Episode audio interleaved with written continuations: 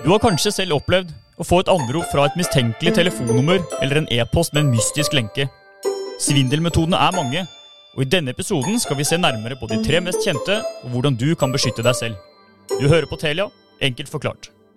Og I studio i dag har vi med oss Øyvind Kristiansen. Du er da svindelekspert i Telia. Velkommen til deg.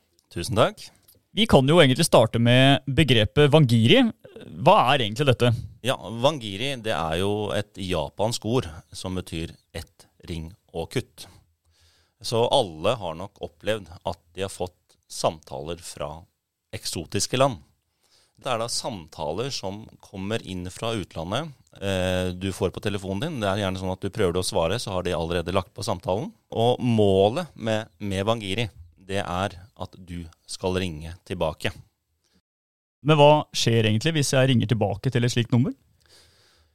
Eh, sånn i utgangspunktet så, så koster det jo ikke noe å besvare denne samtalen. Eh, men eh, ringer du tilbake, så er det, medfører dette gjerne kostnader. Kanskje, kanskje, små, kanskje store. Men det som er poenget med Evangiri er jo at mange bekker små gjør en stor å.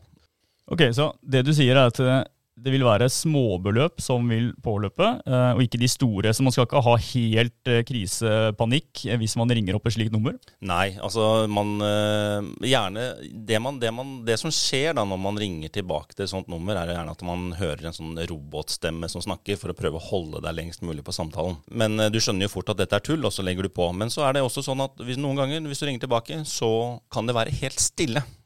og du hører ikke at det er en ringetone før det blir besvart. og da har vi opplevd at noen kunder da ikke har lagt på i det hele tatt, for de har trodd at det ikke har vært en samtale der. Vi har jo også et annet spennende begrep som kanskje mange har fått med seg, eh, nemlig spoofing. Eh, er dette noe av det samme greiene, eller eh, er det noe helt annet? Ja, det, dette, er jo, dette er jo på en måte Ja, ikke samme greiene, men dette er også samtaler som dukker opp fra utlandet. Men her er jo da poenget at man skal lure fra kunden informasjon. Men Spoofing er jo da at man ringer med et norsk nummer for å prøve å utgi seg for å være noen andre enn den man er. Så man låner et norsk nummer og ringer til norske numre for å øke sannsynlighet for vil, sannsynligheten for at noen vil svare på denne samtalen som du ringer.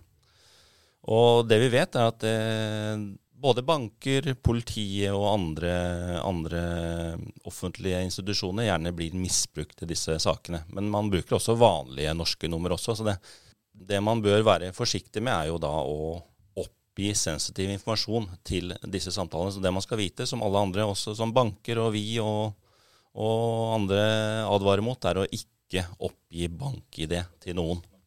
Den er privat. Vi skjønner jo nå at det er mange metoder man kan bli lurt på her. Eh, men vi har jo et siste begrep som jeg tror vi må gå innom, og det er jo phishing. Hva er dette? Phishing det er et, ehm, det er et eh, samlebegrep for egentlig mange ting. Men eh, phishing er jo i utgangspunktet fisking etter informasjon. Dette her dukker jo gjerne opp på digitale flater som SMS, eh, og det kommer fra e-post, kanskje også på sosiale medier.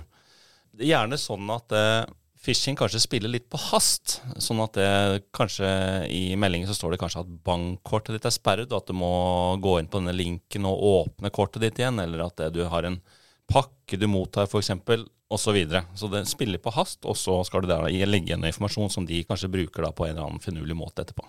Vi har jo ganske mange som har opplevd eh, akkurat dette. og er det egentlig slik at Hvis du klikker på denne lenken som ligger da i e-posten f.eks., eh, har man da blitt svindlet med en gang? Nei, man har ikke det. Man, eh, man må legge igjen informasjonen sin. Så det er ikke farlig ja, det kan være farlig å trykke på linker, men i utgangspunktet så er ikke phishing-linker eh, farlig å trykke på. Det er, det, det er, når du legger igjen informasjonen din som, eh, som gjør, det, gjør, det, farlig, da. Men uh, vet vi egentlig hva som skjer i bakkant? Ja, altså vi vet, vi vet, i hvert fall litt. Og det, dette her går, foregår på veldig måter. Da. Men hvis vi skal ta og snakke om de som er eh, proffe på dette, så er det jo gjerne da noen som sitter og monitorerer tastingen din live når du legger inn informasjonen din. Og da ser de at det, her, kommer, her er det en som er på ballen og legger inn informasjon. Og så ser han eh, De bruker gjerne kontonummeret ditt for eksempel, og ser hvilken bank de har. De kanskje gjort denne, spurt om denne informasjonen og vet, kjenner deg på forhånd. De vet hvilken bank det er, så sitter de bare klare til å logge seg inn på nettbanken din. Og da eh, de, oppgir du kanskje bank-ID-en din én gang, og så klarer du å logge seg inn på nettbanken. Men så kommer det en feil da på denne siden du er inne på og driver og legger informasjon på, så da må du eh, gi fra deg banken den en gang til, og da har de kanskje allerede gjort klart for å betale penger ut fra kontoen din. Men kan du si noe om eh, hva Tela gjør for å stoppe disse angrepene? Ja, eh, vi, vi, gjør jo egentlig ganske mye. Vi, vi, har jo programvare som vi benytter, hvor vi monitorerer da trafikk som pågår i nettet 24-7. Vi har filterløsninger som blokkerer samtaler, vi har filterløsninger som blokkerer SMS osv. Men allikevel så er det sånn at man klarer bare å begrense, man klarer ikke å stoppe alt. Og dette gjelder jo både for eh, spoofing og Wangiri og, og, SMS. da. Så begrensning er det vi holder på med. Og eh, vi gjør så godt vi kan, men eh, det er jo en katt og mus-lek, dette her. Da sier vi tusen takk til deg, Øyvind, og du hørte på Telia, enkelt forklart.